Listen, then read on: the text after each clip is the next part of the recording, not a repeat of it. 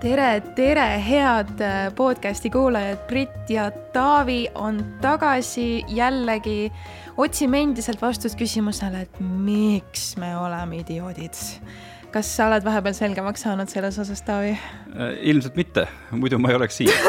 tere, tere ka minu poolt. vaat suvi hakkab ühele poole saama ja, ja ongi september juba käes ja kui me mõtleme sellele suvele tagasi, siis äh, ma ei teagi, kas see probleem oli selles, et suvel mitte midagi ei toimu või oli probleem ikkagi selles, et kuidagi väga akuutseks kerkis äh, see küsimus, et, et äh, meie ja meie eestlased ja, ja Eesti venelased, et me ei saa nagu teineteisest aru. no see muidugi pole ainult selle suve probleem, ma tunnen, vaid see on olnud probleem, ma ei tea, kogu aeg mm no ma pean küll tunnistama, et äh, minu jaoks oli see üllatus, et me ikka üldse ei saa teineteisest aru. kas sa päriselt ei olnud seda tähele pannud või? no sellisel masta-, sellises mastaabis küll mitte, jah. no mul on niisugune tunne, et kui see siiamaani oli selline noh, et see probleem kuskil eksisteeris, kõik nagu tegelikult ju teadsid seda, et see lõimumine ja kõik ei ole eriti hästi õnnestunud meie vahel, aga vaata siis, kui see Ukraina sõda, kui see lahti läks siis minu arust tuli see vastasseis kuidagi eriti teravalt esile ja isegi täna ma loen, eks ju, uudiseid, kuidas mingid Putini toetajad põletasid, ma ei tea, Kaja Kallase pilte vist kuskil või, mingeid lippe või midagi mm. -hmm. et äh, noh, ma ei tea, siis ei, ei teki eriti tunnet, et me siin jube sõbralikud kõik omavahel nagu rõõmsalt eksisteerime, vaid mingisugune viha või vaen seal kuskil ikkagi pesitseb siis mm. -hmm. No, mis on ilmselt minevikust tingitud. nojah, eks see no ma isegi võib-olla äh, natukene vähem äh, tõstaksin tähelepanu nendele üksikutele idiootidele, nagu see kohtla-järvelane ja nagu mõni on veel olnud, sellepärast et idioote on ka eestlaste hulgas. suuri idioote on ka eestlaste hulgas, aga võib-olla jah, kui me räägime nagu, nagu laiemalt, siis äh, on see suvi natukene avanud silmi, aga me hakkame sellest kõigest rääkima. jaa, me ja. hakkame sellest rääkima meil on äh, täna tulnud külla Olesja Aun, kes äh, töötab Reformierakonnas. tere, Olesja. tere, tere, tere, Taavi, tere, Brit tere, tere. Äh, võib-olla korra alustuseks sinu enda taust, et kas sa oled Eestis sündinud? ei ole. kus sa sündisid? mina, mina olen sündinud Volga jõe kaldal see tol ajal see oli Gorki, nüüd on Nižni Novgorod. aga asi on selles, mina olen pooleteistaastane, kui mind toodi, vanemad tõid äh, Narva, siis mm -hmm. ma mhm. Narvas kasvasin ja Narvas lõpetasin kooli. ja aastast kaks tuhat astusin Tartu Ülikooli. no ja siis juba läks lõimumise protsess. mis see põhjus on, miks su vanemad tulid äh, nii kaugelt Narva? Äh, isale, isa minul oli jahukimängija ja äh, nõukogu aja tasemel polnud paha mängija. et siis äh, Kreenholmis temale pakuti väga hea kohta. vot, no ja siis nagu nõukogu ajal ikkagi anti korterit, anti tööd ja kõik oli nii vot. no kas sa oled oma vanematega rääkinud ka sellest, et, et milline see tunnetus toona oli neil, kui nad tulid sealt Nižni Novgorodist või Gorkist eh, Narva, et kas nad tulid nagu, tulid nagu mingisse Eesti NSV-sse või, või sel ajal ei olnud mitte mingit vahet, Nõukogude Liidus lihtsalt eh, ühest nurgast tulid teise nurka? Eh, vanemate jaoks siiamaani Eesti on Vene nagu Nõukogu välismaa nagu mm -hmm. Euroopa ja tol ajal see ka oli niimoodi. lähivälismaa. ja, ja, ja, ja selline Euroopa, et, et, et ma mäletan, et nad rääkisid sellest, et kui olid mingid spordivõistlused, värgid mm, ja siis näiteks Otepäält olid lapsed ja siis no nad olid teistmoodi riietud, nad teistmoodi käitusid, nad teistmoodi nagu, nagu olid teistmoodi täitsa mm. vot, aga see oli minevik, praegu räägime sellest, mis on, mis on meil praegu on. aga kui, kui korra seal minevikus veel, et kui nad, kui sa vaata üles kasvasid, et kas täna, mul on niisugune tunne, et isegi täna veel Narvas eriti eesti keelt ei räägita, ma kujutan ette, et siis ka ilmselt ei räägitud eriti Kindlasti eesti keelt. ei räägita. aga, aga kuidas sina eesti keele nii hästi selgeks õppisid? ah, Tartu Ülikool teeb imeasju vot, et tegelikult, kui ma lõpetasin äh, aastast kaks tuhat kooli äh,, hästi lõpetasin ja eesti keel, ma pean tunnistama, mul oli alates kolmandast klassist äh,. mina lõpetasin kooli, mul oli viis et äh, riigieksamid ma tegin ära mm,. meil on nagu, meil eesti venelastele riigieksam, eesti keele riigieksam nagu võõrkeel mm. -hmm. see oli mingi neli, nelikümmend kaks punkti, see on, see on, see on alla kahe. et no vot, see tase on ikkagi õpetamise tase, õppimise tase, ma ei tea. see ja asi on selles, et mind paneb äh, imestama see, et praegu me, meil on kaks tuhat kakskümmend kaks, aga see tase väga tihti ei paranenud. nagu kuidas nii, ma ei saa aru mm. -hmm. no kui teistpidi minna, siis ma mäletan, et ega mul oli täpselt samamoodi, mul oli ikkagi kogu selle perioodi vältel, kui ma vene keelt õppisin koolis, vene keel kas viis või neli, aga no Jeesus, praegu ikkagi ei oska nagu suurt midagi vene keeles, et ma ei tea. millegipärast see, see on niimoodi ühtepidi ja teistpidi, on ju fundamentaalne vahe, Taavi, meil sinuga selles, et sina ei pea oskama vene keelt. nojah, seda küll jah. aga mina selleks, et eh, elada normaalse elu Eestis ja Eesti on fantastiline riik ilma, ilma komplimendita, et vaba, demokraatlik ja äh, ma ei tea mm,, kõi-, õiguslik kindlasti. Et eh, lihtsalt ma pean seda, no ma pean oskama, ma pean.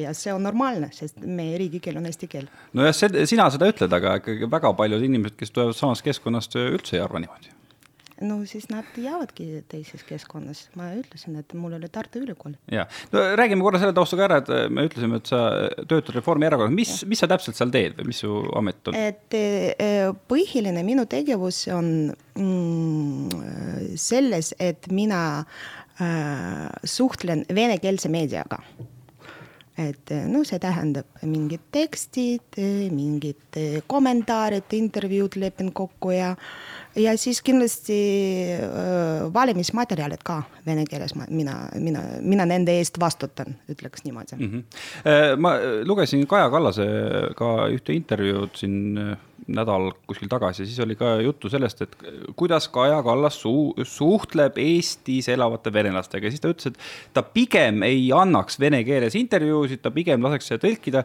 et ähm, kui ta hakkab äh, oma noh, korralikul tasemel vene keelega seal rääkima, siis võib nagu midagi ikkagi nagu minna nihkesse ja võib-olla inimesed saavad valesti aru, et.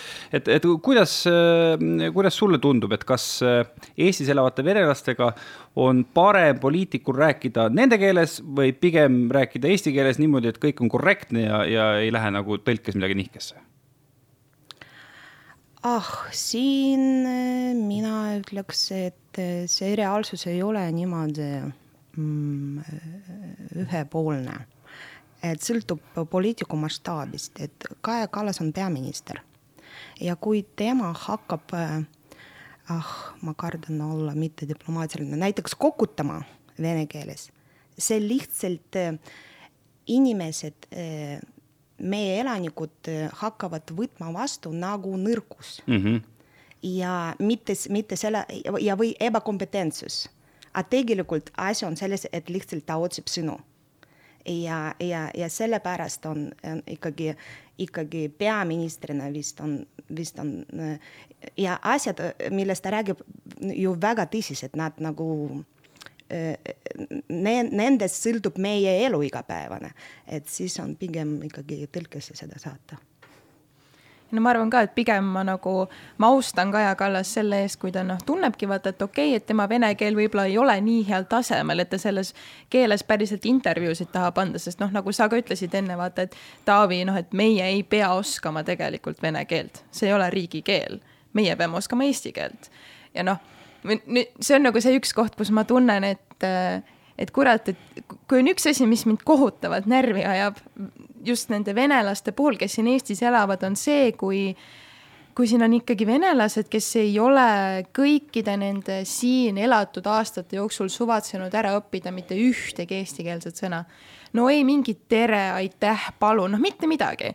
see, et noh, ma olen ju, ma olen töötanud ise ka klienditeeninduses ja, ja mul on olnud päris mitu sellist juhtumit, kus inimene tuleb ja ta ei oska mulle mitte midagi öelda, mitte ühtegi sõna, sest ta ei räägi ei eesti keelt inglise keelt, ainult vene keelt. ja minule endale tekitab see hämmingut selles osas, et kuidas nad siin hakkama saavad. kuidas nad igapäevaselt äh, oma toimetusi ja tegev-, tegevusi niimoodi teevad, et see keelebarjäär neile nagu üldse takistuseks ei saa, kas see on reaalselt Eestis võimalik, no järelikult peab siis olema? no oma mullis jah, oma mullis elavad ja kõik on korras nendel. Ja, ja nendele tundubki, et see ongi maailm.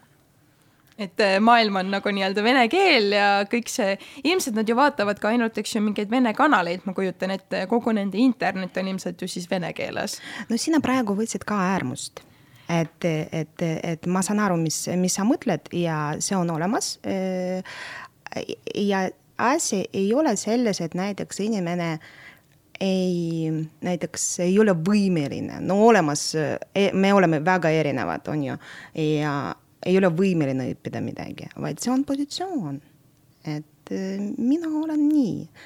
et teine küsimus aga mille, mil-, no nagu, mida sina saavutad sellega, selle positsiooniga? Või mida, mida sina tahad saavutada, sellepärast et kui öö, minna sellele, sellele juba kuumale teemale, siis teiselt poolt, kui küsid nende käest, et kas sina tahad siia vabastajaid, ei taha, mul on okei. Okay.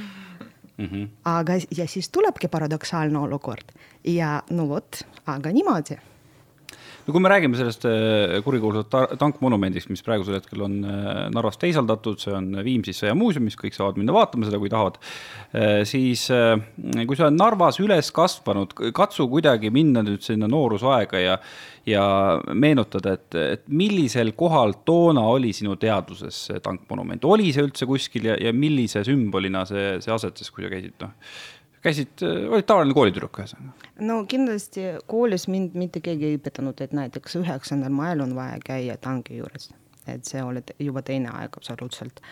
Eh, ma teadsin seda, et eh, noorpaarid pildis, teevad seal pildi ja see on no praegu, praegu eriti minu jaoks on üldse kummaline, et kuidas võib teha äh, noorpaari sündimise, ma ei tea, sümboli pildid relva juures.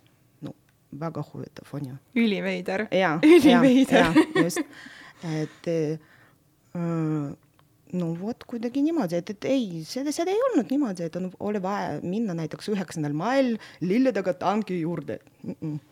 Aga Narva nii-öelda pulmatraditsioonis oli ikkagi väga olulisel kohal, et käiakse sealt tanki juures ka läbi. ja see Šiškini, Šiškini mänd yeah. ja siis Narva tank no.. Need on kaks väga sellised põhilised kohad, kus on vaja kindlasti noorpaarilt teha pilte. Šiškini männest on vist eestlased vähem kuulnud, mis asi see on? et vot mina ei oska öelda, kas see on tõde või legend et eh, need, kes eh, kunstiteadlased, eh, nad saavad õigesti öelda. aga see on Narva-Jõesuu juures olemas väga-väga vana mänd mm. -hmm.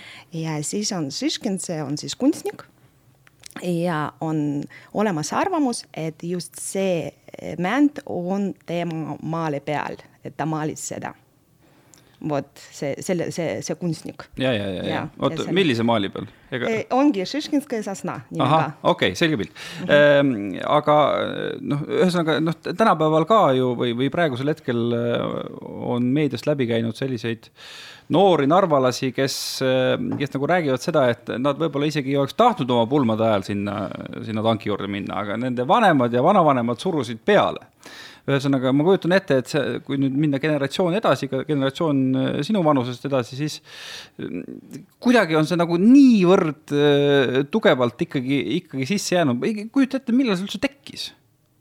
no ei, no asi on selles, et äh, nagu kes täna vist äh, äh, Postimehel on Marju Lauristini pikk intervjuu oli, kus ta, kus minu arust ta väga õigesti äh, nagu mitte, mitte mingil juhul õigustas, vaid selgitas, et, et üks asi, et tuli nagu kolmkümmend üheksa üks okupatsioon, et siis, et siis kõigepealt Hitleri, Hitler ja Stalin jagasid nagu Euroopat ja siis tuli, tulid venelased, siis tulid sakslased ja siis sakslastest venelased vabastasid mm -hmm. ja see tank, see Vene tank, mis Nõukogu tank juba ületas Narva jõe ja siis see juba uus, uue okupatsiooni aeg. Ja see on, ja see on muidugi eestlaste jaoks. Mm, -hmm. aga kohalikude venelaste jaoks just no tegelikult päris kohalikud venelasi väga vähe et ikkagi see on ikkagi pärast maailma, teise maailmasõja need, need tulid.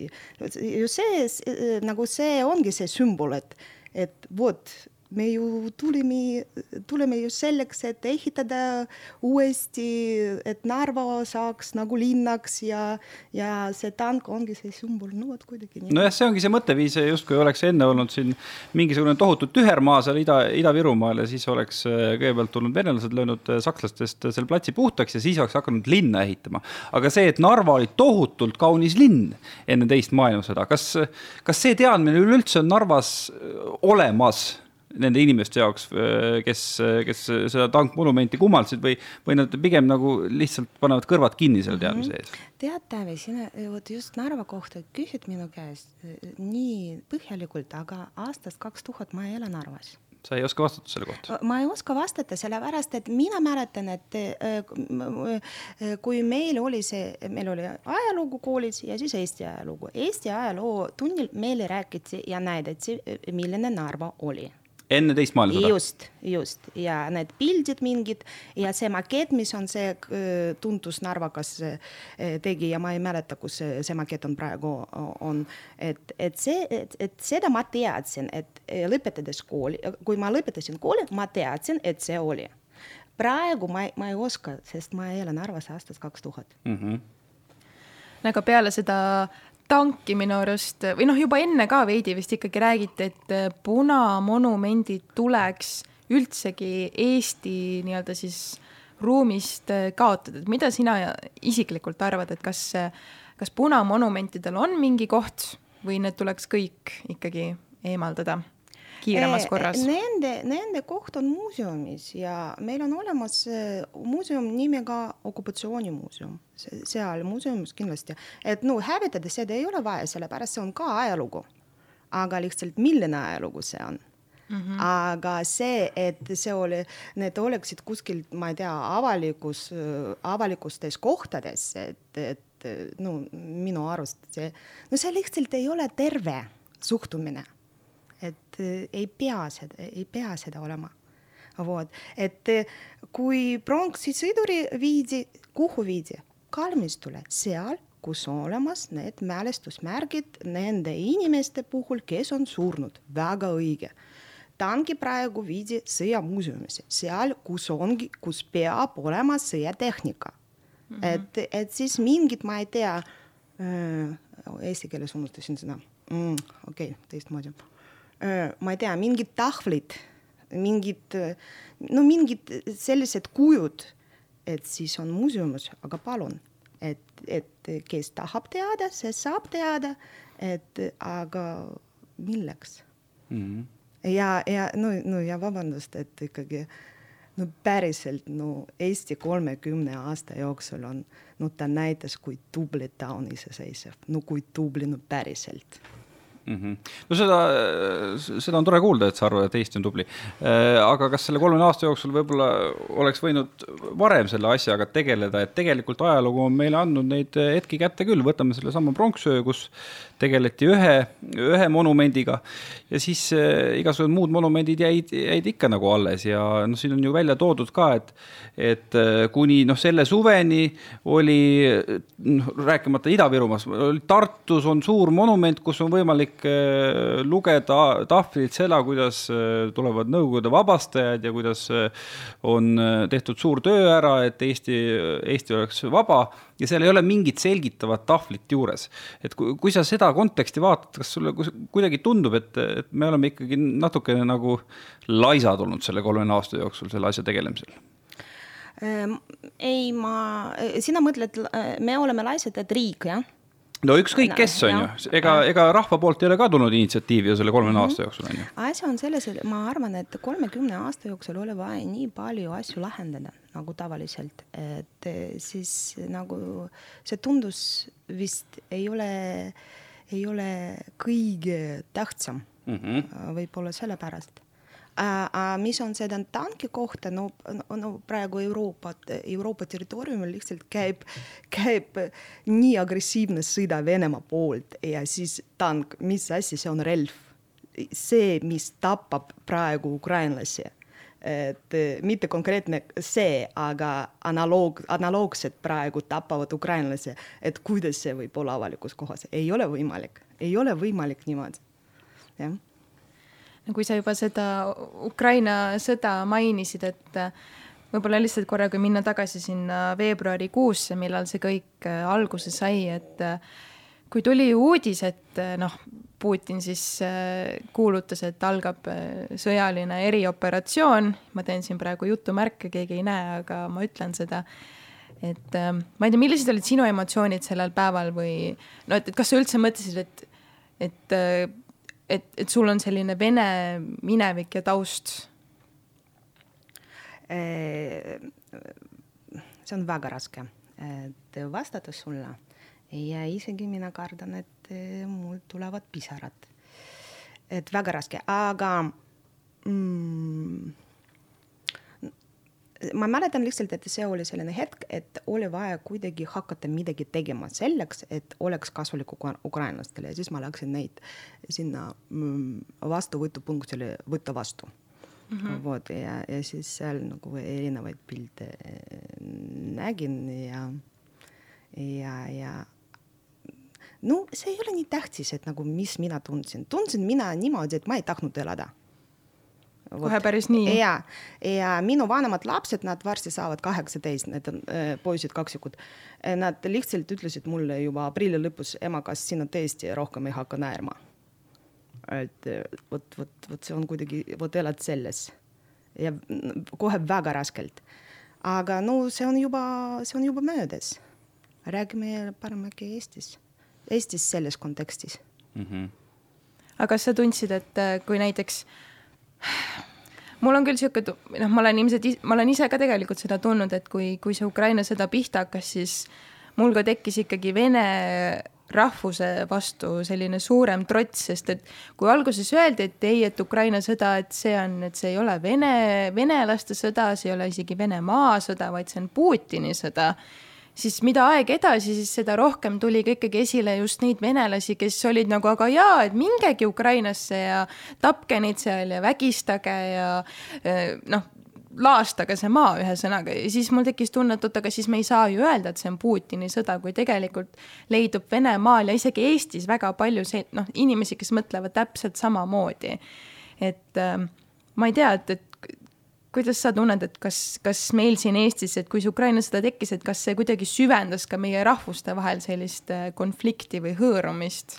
Ei, ma arvan kindlasti, sellepärast et no ja see isegi ei sõltu sellest, kas äh, nagu mis äh, keel su emakeel, kuigi kindlasti rohkem ikkagi vene, vene emakeelega ja eesti emakeelega inimesed omavahel.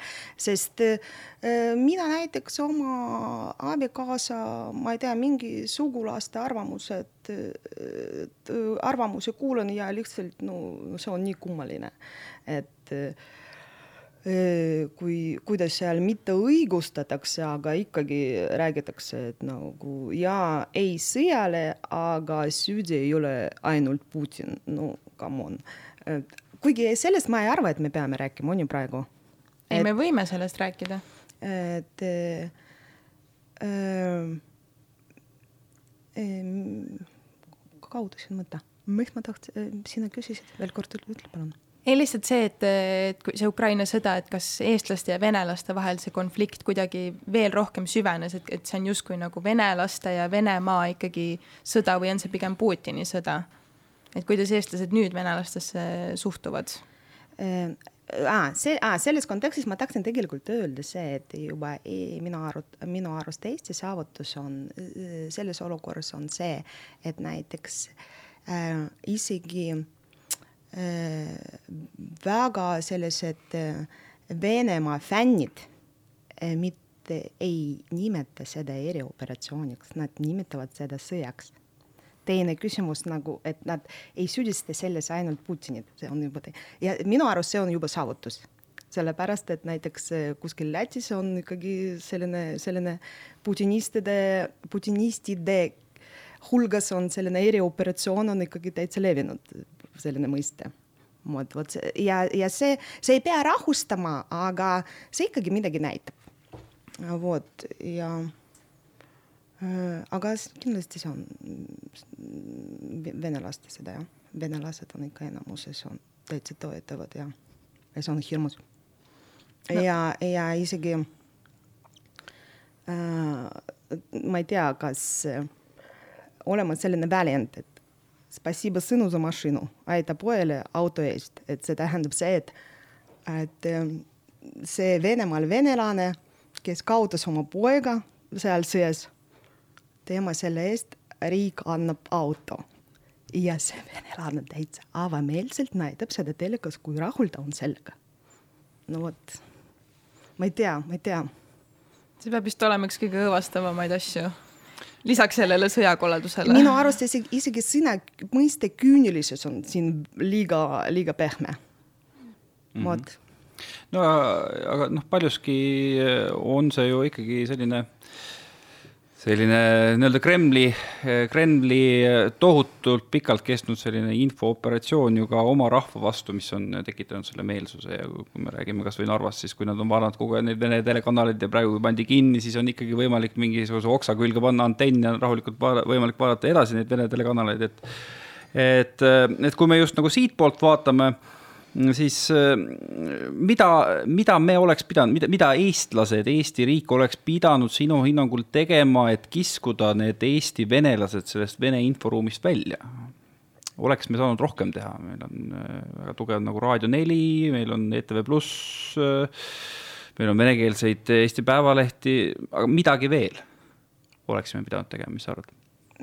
Ma ei oska sellele vastata, see on liiga, sina paned praegu minu õlgadele liiga suurt vastutust, et mm., et mina teaks selle retsepti, et, et.... aga, aga kas, kas sinu tuttavad Eesti venelased neid minu poolt mainitud infokanaleid, kas nad tarbivad? minu, minu, minu ringkond mitte, mitte mingil juhul. miks mitte? no sest see on naljakas.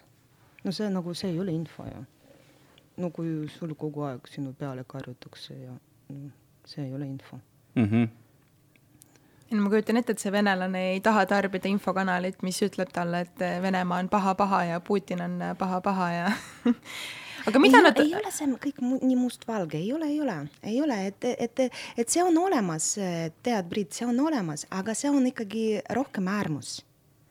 et nii mustvalge ei ole, lihtsalt selline Äh, geneetiline vene laste imperialism ei anna rahulikult elada mm. -hmm. mida nad, mida nad tarbivad siis või mis kanaleid nad siis vaatavad? Äh, ma ei tea, mis sina kanaleid vaatad, sina, sina väga palju telekat vaatad üldse no ETV-d ikka ja no TV3-e muidugi, kus ma siin töötan, eks ju, aga no noh, jah, mingeid Netflixi asju vaata ikka tarbida, no eestikeelseid meediaväljaandeid selles suhtes, Delfi, Postimees, ERR, kõik need. no ja, ja sina seda teed just sellepärast, et äh, väga palju sellepärast, et sina töötad selles sfääris nagu minagi mm. -hmm. aga kui inimene ei, ei tööta selles sfääris, siis, siis no ma ei tea no mingid uudised olemas, no mingid pealkirjad olemas. Ja et ja see on kõik ju. ja, jah aga noh, kuidas selle asjaga on, et kui see sõda algas, siis oli hästi palju juttu ka nendes telesaadetes, kus see Äh, kurikuulus Solovjov äh, tundide kaupa lõugab äh, ja, ja seal modereerib midagi ja räägib, et Eesti tuleb ära võtta ja nii edasi ja nii edasi. kas, kas nagu tegelikult ka vaadatakse neid Solovjovi saateid või see on ka selliste kitsaste, kitsaste kildkondade asi, et ega meil ka Eestis ju väga palju poliitdebatte tavaline inimene ei vaata Äh, no vanem põlvkond kindlasti seda vaatab. vaatab, kuidas ja, on. ja, ja, ja, ja, ja, ja, ja, ja asi on selles, et meil on ikka vanem põlvkond äh,, äh, venekeelne vanem põlvkond, kes äh,, kes mäletab, kui vinge elu oli ja elu, kui vinge ja stabiilne elu oli nõukogu ajal, et, et ja näiteks nendel ei ole mingit äh, sidemeid või sidet Venemaaga, et nad käisid seal võib-olla mingi kakskümmend aastat tagasi. et no siis see ongi see reaalsus nende jaoks mm. -hmm. ja, ja pluss on see värk, et see on minu emakeeles, et mina ei pea pingutama midagi. vot see on tähtis Äh, aga mis ma tahtsin veel öelda, et ma tahtsin see, sulle öelda, sulle öelda, Brit, et see, see alguses sina ütlesid, et need pensionärid, kes põletasid Kaja Kallase ja Ala Karitse, need on spetsiaalne, et see kõlab väga naljakalt ja väga küüniliselt, aga olemas. Spetsiaalne pensionäride dessant Venemaalt neid, nendele nagu öeldakse, nüüd te peate tegema seda, sellepärast et mingi Eesti peaminister ja Eesti president äh, ütlesid seda, seda ja tahavad teha seda, seda. ja siis nad teevad seda klippi, vot selline nii-öelda viienda kolonni meediagrupp pensionäride seal. ja, et selles Issand. mõttes, et selles mõttes, et, et meie jaoks hea uudis on selles, et see ei ole kohalik produkt, see on ikkagi, see komöödia ikkagi seal jõe tagant tuleb mm. -hmm ei no ma, ma, ma kujut-, no loodaks küll vähemalt, et see tuleb kuskilt nii-öelda ikkagi sealt eh, Kremli poolt siis eh, meieni, et see ei ole nagu, et kohalikud inimesed päris nii võib-olla ei mõtle aga, aga võib-olla, et millest nad siis mõtlevad või noh, et kui palju näiteks, mis sa arvad, et kui palju on Eestis endiselt selliseid, ma ei tea, kas siis venelasi või inimesi siis laiemalt, et kes võib-olla ikkagi unistavadki endiselt sellest Nõukogude ajast või kes tahaks sinna tohutult tagasi minna, et oi, et siis oli ikka muru rohelisem ja taevas oli sinisem. no vanem põlvkond, kes praegu vanad, no oleme, oleme diplomaatilised, mitte väga terved inimesed, äh, kes äh, omal ajal, no ma ei tea, no need kaevurite grupp, see oli ikkagi eliitne grupp omal ajal, et tol ajal see oli niimoodi, et nende naised ei töötanud nagu ohvitseri naised. sest me oleme kaevurid, kaevurite naised ja siis nad töötasid seal, nendel, nendele maksti tol ajal hästi raha, anti korterid, siis nad kindlasti käisid äh, Sotšides ja Krimmides seal igal pool puhkamas ja, ja praegu nad on teises vanuses ja äh, no mis on väga loogiline, sellepärast aeg lendab ju. ja väga tihti, väga tihti mitte väga terved ja siis ja inimesed tunnistavad sellest, sest nendel tõesti oli hea. vot Mm. aga see ei tähenda, et see on praegu aktuaalne ja me peame lähtuma sellest, millest nemad unistavad mm. -hmm. ei, seda absoluutselt mitte kui äh, see tankmonument oli teisaldatud, siis nädala lõpus ju Narva linnavolikogust tuli ka äh, selliseid teateid, et äh, seal keegi tahtis Eesti riiki kohtusse kaevata, sellepärast et, et eemaldati see tankmonument ja, ja isegi ma mäletan pressiteates sellist lauset, et andke meile meie tank tagasi, kus on meie tank. no ma, ma ei ole nagu nii naiivne, et ma arvaks, et üks linnavolikogu liige võib-olla ise kõike seda täpselt mõtleb, aga see on ju ikkagi suunatud tema enda valijatele ehk siis äh, Narvas on võimul volikokku valitud inimesed, kes on seisukohal, et selleks, et nad oma valijatele meeldiksid, peavad nad sellist retoorikat äh, äh, nagu avalikult välja ütlema. see oli minu jaoks võib-olla kõige šokeerivam selle suve jooksul siis, et selline küünilisus? et selline küünis, ühesõnaga, et Narvas on, on, on võimalik valijate poole nagu sellise, sellise retoorikaga minna. rääkida meie tankist, rääkida sellest, et kui tank ära võetakse, kui monument ära võetakse, siis äh, kaevame Eesti Riigikohtusse. et noh, see on ju selleks, et nad saaksid hääli. ühesõnaga, sellise jutuga on võimalik Narvas hääli saada, see oli minu jaoks üllatus aa, üllatus ikka. no ma ei ütleks, et minu jaoks üllatus, aga, aga ikkagi jah, kummaline ja ebameeldiv, et selles mõttes, et, et just äh, volikogu liige äh, nagu äh, nagu, nagu, nagu, nagu omavalitsuse esindaja, omavalitsus nagu riigi esindaja äh, ei tee tööd äh, oma valijatega, vaid vastupidi, et vale dikteerib, kuidas ta peab äh, ja, ja, ja, ja volikogu liige allub sellele mm. -hmm. see jah, see on, see on see, mis natukene, mitte natukene, aga tekitab, tekitab küsimusi ometigi viimased aastad ju kuidagi tundub, et et me oleme nagu Narvale, me oleme siit, ühesõnaga ülejäänud Eestist Narvale nagu lähemale läinud, et Kersti Kaljulaid käis seal Narvas äh,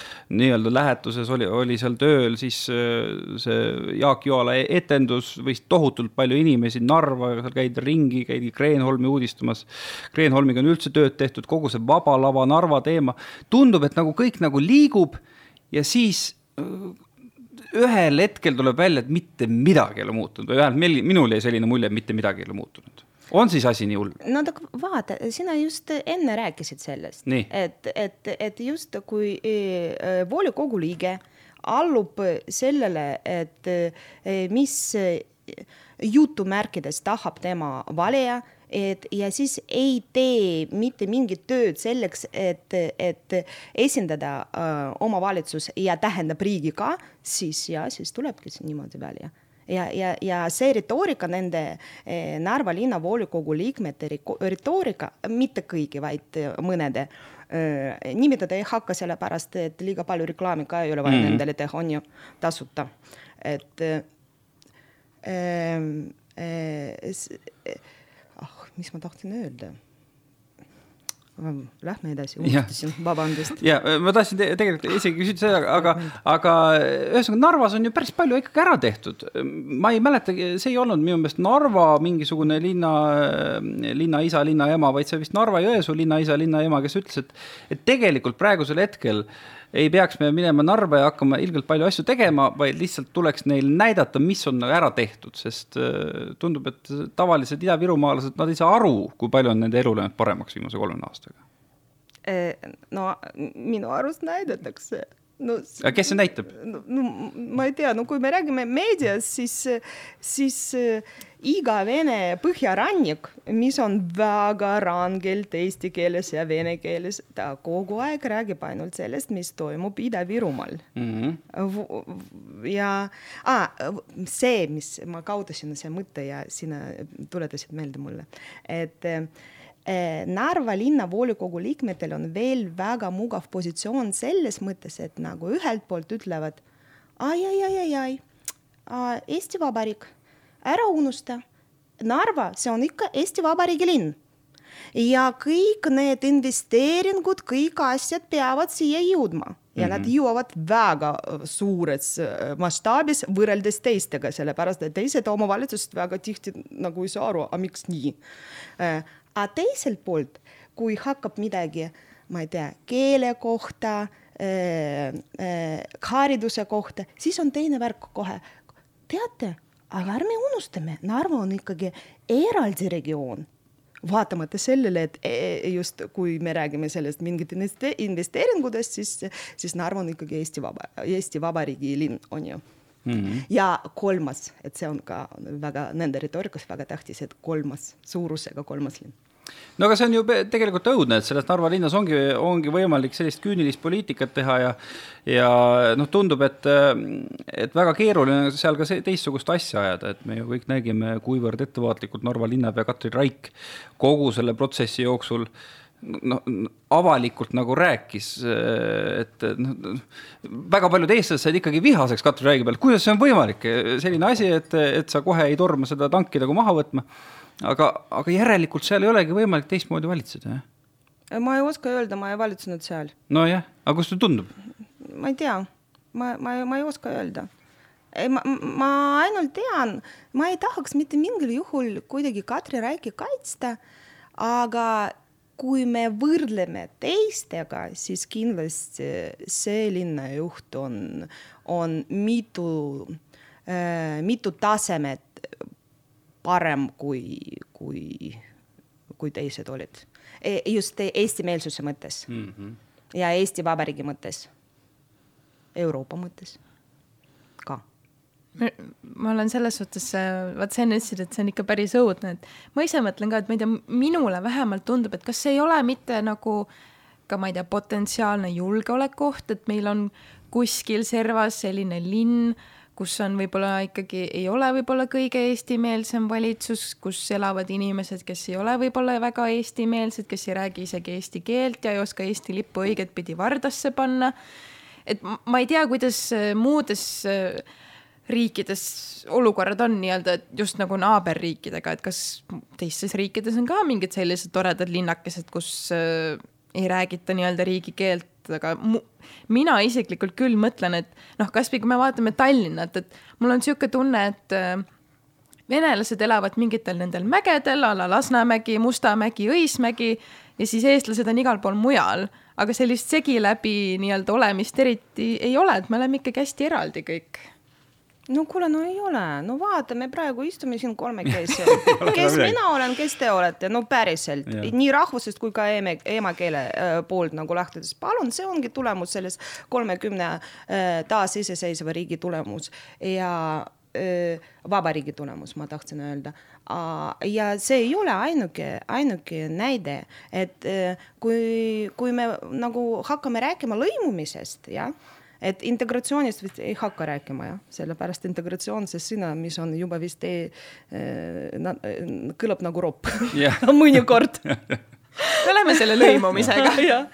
Et kui me räägime lõimumisest, siis lõimumine, see on ju protsess, no nagu elu, et no ma ei tea, et näiteks võtame elu tavaline, et laps, kes on tubli, tubli, tubli ja koolis sai kahe no see tema jaoks tundub, et nüüd on kõik maailma lõpp ja elu lõpp, aga tegelikult elu äh, edasi läheb. samamoodi selle lõimumisega, et äh, tegelikult see, et üheksas mail sel aastal ja see äh, tanki üleviimine, tegelikult see läks väga rahulikult. Ja jälle, et, et sina räägid, et julgeoleku küsimus. Ei ole sel määral, nagu oleks veel kümme aastat tagasi et ja praegu seal mingid seltskonnad seal nagu oma nende küünlatega, oma lilledega laulavad mingi nõukogu aja laulu. aga see on kõik. mitte midagi rohkem ei toimu. et selles mõttes, et, et lihtsalt me, me oleme harjunud mitte märgata seda, mis on hea, sellepärast et see tundub väga loomulik aga tegelikult see ei olnud väga loomulik eh, eh, pärast seda, kui Eesti sai taasiseseisvumist, on ju mm, -hmm. vot. ja selle lõimumise osas, mis ma tahtsin veel öelda, tegelikult meil on uus väljakutse, meil on olemas praegu väga palju ukrainlasi ja nüüd selle lõimumise protsessi meil on veel üks nagu väljakutse tuleb, et me juba ei ole kahepoolsed, me juba kolmepoolsed, et vot see on hästi huvitav, mis saab no palju on räägitud ka sellest, et ka see võib Eesti, Eesti venekeelset kogukonda natukene, eh, natukene muretsema panna ja isegi ärrituma panna. just seda kogukonda ma pean silmas, kes väga hästi eesti keelt ei räägi, et noh, põhimõtteliselt need ukrainlased tulevad ja hakkavad ju nende töökohti ära võtma. Paljuski ehk siis, eh, kui on vana, vaja näiteks venekeelset teenindajaid, eh, kedagi muud, ukrainlased tulevad, on valmis kindlasti ka eesti, eesti keelt õppima, siis peamiselt ju ehm, võivad just need eesti venelased hakata oma töid kaotama. No, nojah, aga no, aga mis ma siis pean? Praegu kaasa tunda või vastupidi, sõimata neid, no kuulge, igal on olemas oma pea no jälle see on nagu me alguses rääkisime sellest, et, et ja sul on olemas positsioon, sina ainult venekeelne, sina oled vene kultuuri eest, vene keele eest ja edasi, edasi. kuigi ma pean tunnistama, et need inimesed väga tihti, isegi enamus grammatiliselt nii halvad vene keeles. Te ei kujuta ette, et mina räägin seda nagu vene ja slaavi filoloog Tartu Ülikoolist, et, et, et see lihtsalt on, see on need, kes kaitsevad vene koole, lihtsalt mõtlevad, et rебята ja teie pra- ja päriselt te seda kaitsete, et äh, okei okay,, see, see on kõrval, et äh, no siis ongi, et nagu äh,, nagu alguses me rääkisime äh,, mis on eesmärk no kui eesmärk on ainult vot võtta positsiooni, no siis ja, siis jääd ilma tööta, ilma, ma ei tea, äh, tutvumisteta, ilma eel, no mingi ilma normaalse eluta, no see on sinu valik, et selles mõttes, et, et ei pea siin öö, väga kuidagi äh, mitte aktiivselt isegi, aga pealetükkivalt kuidagi riik öö, sekkuma ja hakata rääkima, ei, ei, ei, kuule, mõtle peaga, palun, palun, mine, mine, mine eesti keelt, aga ukrainlane tuleb, võtab sinu töö. ei, aga kui ukrainlane on tubli, siis las võtab siis mm. -hmm. et siis meie ühiskonnas temast palju rohkem kasu, kui, kui, kui, kui kui venelasest, kes ei räägi eesti keelt. kui mitte ukrainlasest, niimoodi ütleks, on ju mm. -hmm nojah, me, eks lihtsalt võib-olla see kõik võib natukene viia julgeolekuohuni ühel hetkel. Äh, no see on hästi-hästi nagu keeruline teema, jah sa mõtled julgeolekuohuni viib see, kui venelane, kes ei räägi eesti keelt, ei saa siin tööd teha või? ei no absoluutselt, et kui, kui tema sissetulek kaob aga mingu Venemaale siis. see ei käi ju päris niimoodi, kui nad ei, ei ole kolmkümmend aga... aastat läinud, siis. no aga ma räägin, näiteks on..., aga siin ongi, nüüd on mul, minu järgmine küsimus, et äh, minu arust kuidagi siin äh, on väga palju selliseid venelasi, kes on hästi kriitiliselt Eesti suhtes meelestatud, et oi, et Venemaal on ikka nii palju ilusam elu, Putin on jumal, kannavad oma Georgi linte, aga miks nad siis Venemaale ei lähe või miks nad siis Venemaal ei ela, et miks sa siis oled siin Eestis, kui see on nii-nii halb koht, kus elada mm? -hmm. ma saan sulle kohe vastata, et ma kahju, kahjuks, et kui mina isegi praegu vastaks vene keeles, sest et eh, kuulajad siis ei saa aru, mis mõte, aga eh, seal on kohe selline vastus, see on need kolm mõistet. Eh, kolm mõistet, see ei tähenda, et mõiste üks sõna, see tähendab, et mitu sõna, aga see kirjutatakse ühe sõnaga. esimene mina maksan siin maksud, väga tihti need, vabandust, saladus avan inimesed, kes saavad äh, miinimumpalka, vabandust, kas miinimumpalga saajad meil väga palju maksud maksavad? see on lihtsalt küsimus, noh me saame ise aru. kuigi mitte mingil juhul ma ei ole see, kes ütleb, et aa ja, ja, ja, ja kuidas, kui häbi on, et sina äh, miinimumpalka maksad, lihtsalt ei ole vaja rääkida, et sina, kui äh, sina oled minimaalkas, et sina mak maksad mingi maksud, et sina ei maksa maksud, vabandust, see on esimene. teine, mina olen siin sündinud, see on jälle üks sina, peab olema. kui te, kui on arusaadav, mis ma tahan yeah. öelda mm, -hmm. vot ja siis, ja siis, ja siis kolmas on, mis asja miks üldse sellise, miks üldse sina saadad mind kuskile?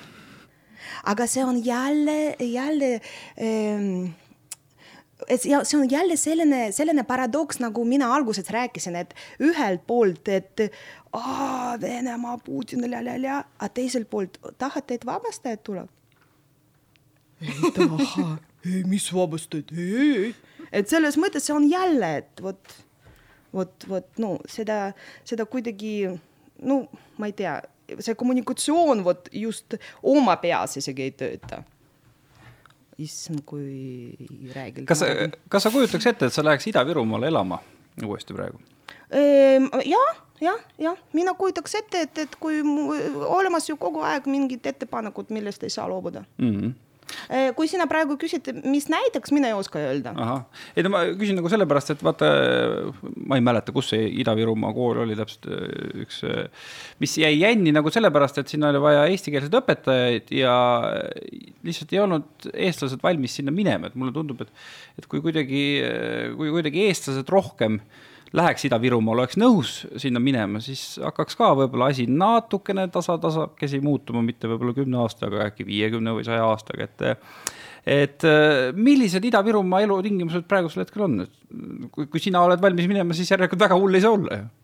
Ei saa, ei saagi olla, et selles mõttes, kui sul on olemas võimalus, no ma ei tea, Narva-Jõesuus äh, majas elada ja sul on vaba lava, kus on olemas siis nagu kultuuri, sinu elu kultuurios on ka kaetud mm. -hmm. Äh, siis äh, ma ei tea, söögikohad, restoranid on äh, täitsa olemas ja okei okay.. kaks fantastilised baari, no ma, ma ei tea, et äh, see on Roro ja, ja Modern ka sellised, sellised, mis ei ole trad-, mitte rocki, rocki, rock rokiset. roki stiilis jah? ja, ja sellised, vot, et, et, et ei, seal on, seal on nagu okei okay,, seal on kõik ole-, no kõik on olemas selleks, et, et elada, lihtsalt no, no ei ole sellest ettepanekut, millest ei saa loobuda.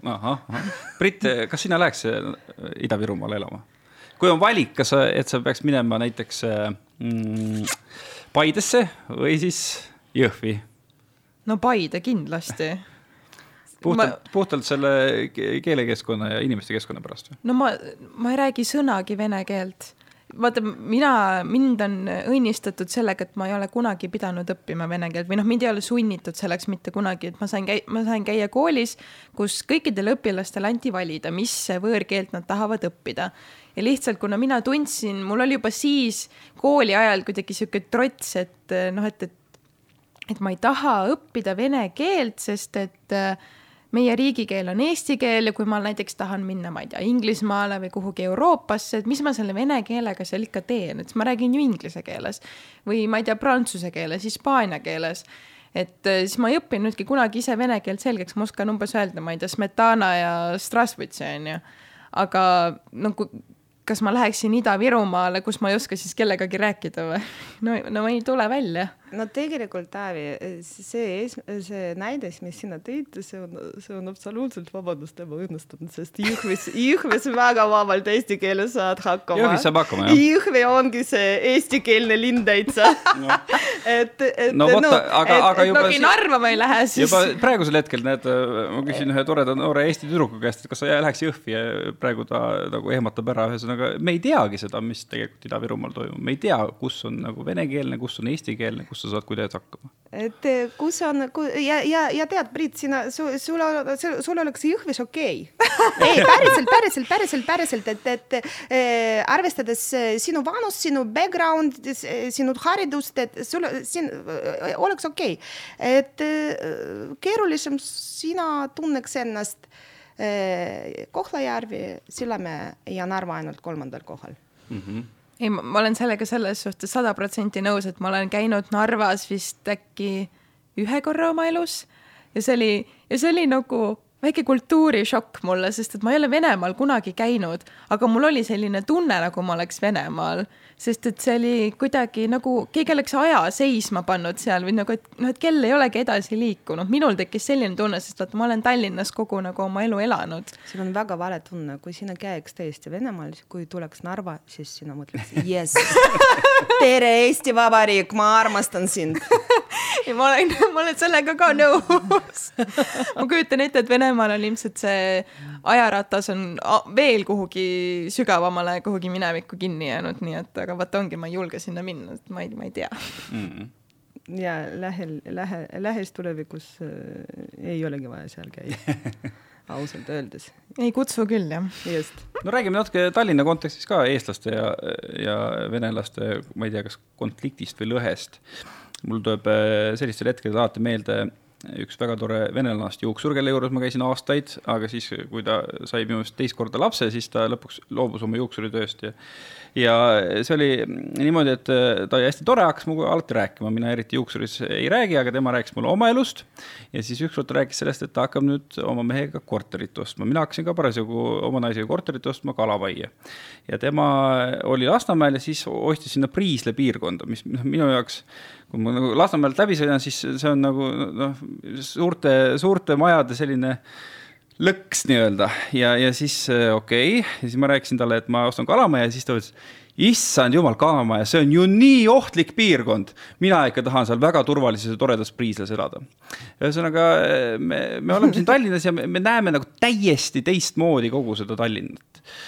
kuidas sulle tundub, et kuivõrd suur lõhe on Tallinnas eestlaste ja venelaste vahel? Kõik, kõik need kõige väiksemad asjad. et siin on väga suure rolli mängib üks selline detail. kui Narvas venelased näevad, mis elu on Jaanilinnas, sest enamus ikkagi väga palju käivad seal ja et, et nendel on siis olemas see võrdluse moment. siin on no Lasnamäel võtame jah, äh, on väga tihti inimesed, äh, just noored, kes, kes, kes on kasvanud nende peredes, no millest me, kelle, kellest me juba rääkisime yeah. ja nad ei puutunud kokku Venemaaga üldse mitte kuidagi. Nad ongi arv-, nad arvavadki, ongi vot see elu on siin ja vot nemad on just vot selles kontekstis palju radikaalsemad. et siis nad palju, palju rohkem äh, väga tihti, mitte kogu aeg, väga tihti palju, palju rohkem idealiseerivad Venemaad ja see ongi nagu ja väga raske tõestada, et see ei ole nii mm. -hmm. sellepärast inimesel ei ole selle, selle võrdluse momenti. vot et nagu nendel noortel siis just või? just noortel, aga, aga, aga no pered on no kasvanud on vot sellistes peredes ja telekas on ka kogu aeg oli see nagu oli ja aga võrdlusmomente pole, sellepärast et praktikat, no päris kogemust polnud ju mm. -hmm. vot ja see on ja see on jah, see on väga radikaalne, et, et siis nendega, nendega on hästi huvitav mõnikord.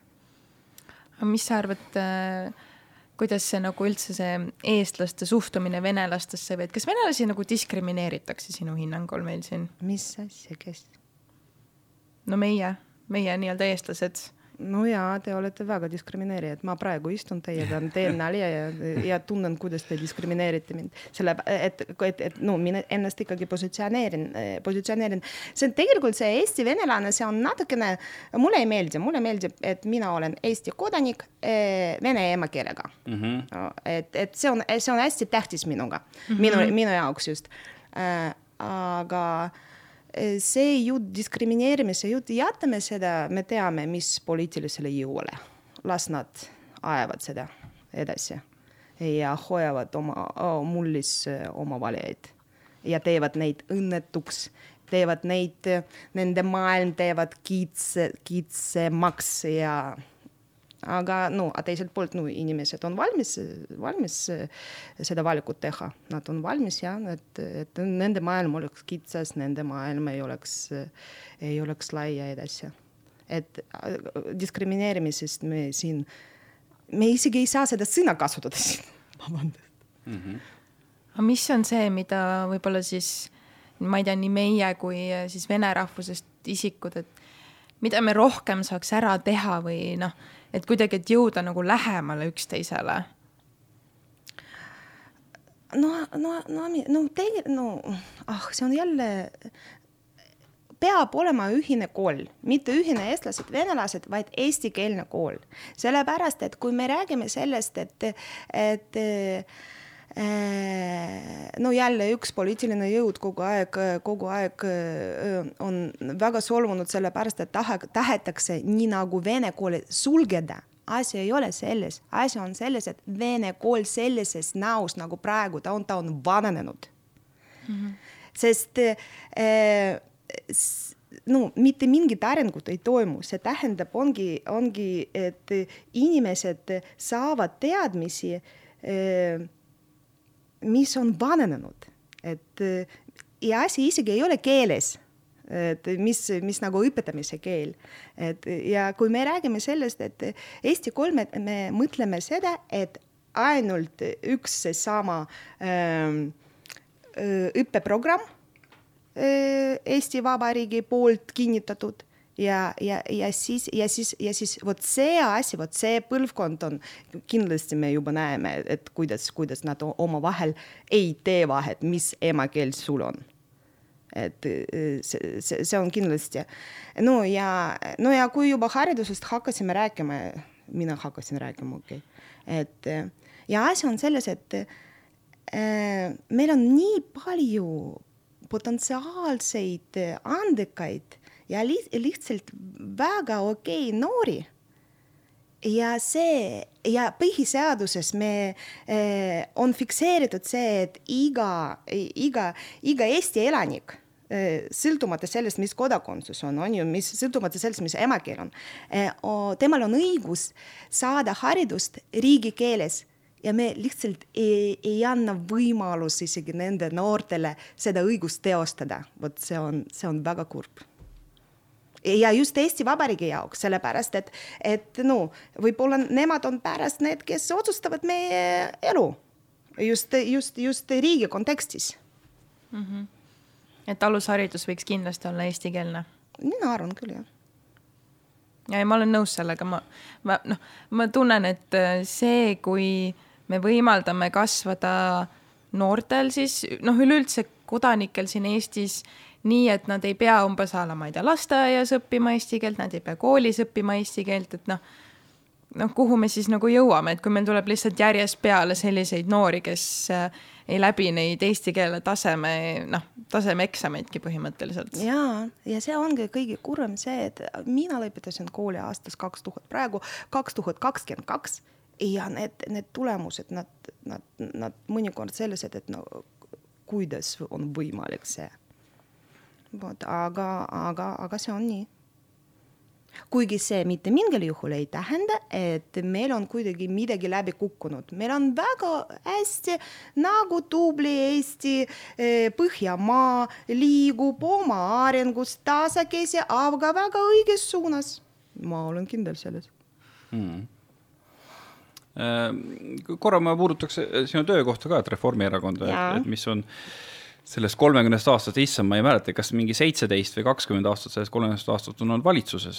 Ehm, miks, miks selle ajaga ei ole, kuidas sa ütlesid, Eesti kodanikud, venekeelse emakeelega Eesti kodanikud äh, hakanud Reformierakonda valima, mis Reformierakond on teinud sellist, et, et venelastele see peale ei lähe? ei luba Reformierakond väga palju erinevaid toetusi ongi nii lihtne, jah? Mm, no, no kui jah, kui olla, kui olla, kui lühikesel, lühi, lühidalt jah, siis on nii. no muidugi me nagu see pronkssõidur ja no see on, need on juba detailid ja tegelikult, miks sina ütled, et ei vali? juba aastast kaks tuhat viisteist see protsent on kasvab väga vähe, väga vähe. no väga, väga vähe, väga vähe. ja, ja, ja, ja, ja, ja, ja. Nad ilmselt valivad mõnda teist erakonda võib-olla rohkem lihtsalt mm. -hmm ja no, äh, noh, kui me, kui me nüüd tuleme selle teise, teise ja peamise erakonna juurde, mida on valitud ja mille toetus venekeelse elanikkonna osas on langenud viimaste valimiste väitel ehk siis Keskerakond, siis Äh, no Keskerakonna puhul on nagu esile toodud seda, et, et võib-olla see, et Keskerakond on nii populaarne, see on ära hoidnud äh, sellise äh, Eesti venelaste erakonna tõelise nagu tekke. mis, mis sa arvad, kas praegusel hetkel aastal kaks tuhat kakskümmend kaks on veel võimalik, et, et meil tekib äh, mingi erakond, kus, kus ongi nagu venekeelsed tegelased? ei ole võimalik. ei ole? ei ole võimalik. ei ole võimalik ja mina loodan, et seda võimalust ei tekigi, et see on võimalik ainult, kui, kui idanaaber saadab siia, et, et mingid jõud Mm -hmm. et aga see on juba siis, see on juba teine lugu, see tähendab, et vabandust, lõpp Äh, aga ma loodan, et me ikkagi riigina praegu oleme nii tugevad, et seda ei juhtu. Ja ilma väljaspool jutumärkides abita siin ei teki. sellepärast, et meil ei ole, see on jälle see värk, et, et ah äh, nagu sina juba ütlesid, et Keskerakond, et aga mis me pakume sel valimistel Vene valijale mm? -hmm see tähendab, et nad, nad mõtlevad mind ka, sest minu emakeel on vene keel. Vabandust, aga mis, kuidas ma eristun, ma ei tea, sinust? et, et kas sul on siis nagu äh,, äh, ma ei tea elektriarved on siis tulevad väikse, väiksem kui minul, sellepärast et sina, sinu emakeel on eesti keel ja minu, minu emakeel on vene keel. no ei ole nii, et meil on nagu ühe, needsamad probleemid ja kui nii kunstlikult hakatakse mingi vene valijale pakkuda, no, no see, see nagu vabandust, ajab täitsa oksele. no ajab oksele küll, aga pärast on jälle Stalnuhhin Riigikogus nagu alati, mhm. sellepärast et ikkagi väga paljudel läheb see korda ka. Mhm. see, see kuidagi selline isiklik pöördumine pöördumine ja kui sa mm -hmm. räägid sellest imperialistlikust mõtlemisest mm, -hmm. mis ma kujutan ette, et et siis väga sellise imperialistliku mõtteviisi pooldajatele läheb korda, kui nei-, nende kui rahvuse poole pöördutakse. või ei ole nii äh,? ma ei oska seda kommenteerida mm -hmm. niimoodi niimoodi, et mina oleks kindel oma vastuses. ei, ma ju, ma ei oska. ma ainult tean, et, et kui, kui jälgida nende näiteks niinimetatud see, ma ei taha isegi nimetada teda, vabandust, et, et selle isiku tulemused, need valimistulemused, me näeme seda. et on alla läinud? jaa, seda, see, seda il, ilusa skaala, mis läheb alla, alla, alla no mis jälle tõestab see, mis me rääkisime enne lõimumisest. loodame, et see jätkub kindlasti, kindlasti. vot no aga ma arvan, et enne kui me siin liialt äh, poliitikaradadele sammuma läheme, siis tegelikult ongi tunnike täis tiksunud, et äh, ma väga tänan sind, Alessia, et sa tulid ja meiega sellel teemal äh, rääkisid. ma loodan vähemalt, et sa said väljendada ennast täpselt nii, nagu sa soovisid teate, väga kiiresti see, see aeg kuidagi lendas. aitäh teile, väga mõnus oli, mul on väga kahju, et see lõpeb. ja see on hea, kui kiiresti läheb, järelikult ei olnud piinarikas. ja, ja, ja, ja mina oma poolt muidugi väga loodan, et, et kõik minu mõtted, mis ma tahtsin öelda, nad olid selged teie jaoks. olid et, et, et, et siis järelikult, et võib-olla kuulajad ka saavad aru, mis ma tahtsin mõnikord öelda, sest, sest no mõned protsessid lihtsalt keerulised väga, et, et neid selgitada. absoluutselt, no mina sain vähemalt kõigest aru, nii et mm. -hmm ja ega midagi, selles mõttes, et äh, ma ka täitsa soovitan, et, äh, et kui, nagu meie siin täna oleme laua ümber koos, siis äh, kui teil on näiteks oma majas inimene, kes, kes on ka Eesti kodanik, kes kõneleb vene keelt, siis minge rääkige temaga juttu natukene, tuleb nagu kasuks, eriti, eriti praegusel ajal, mulle tundub. No aga vot, võib-olla see ongi see, mida me peaksime kõik lihtsalt rohkem tegema.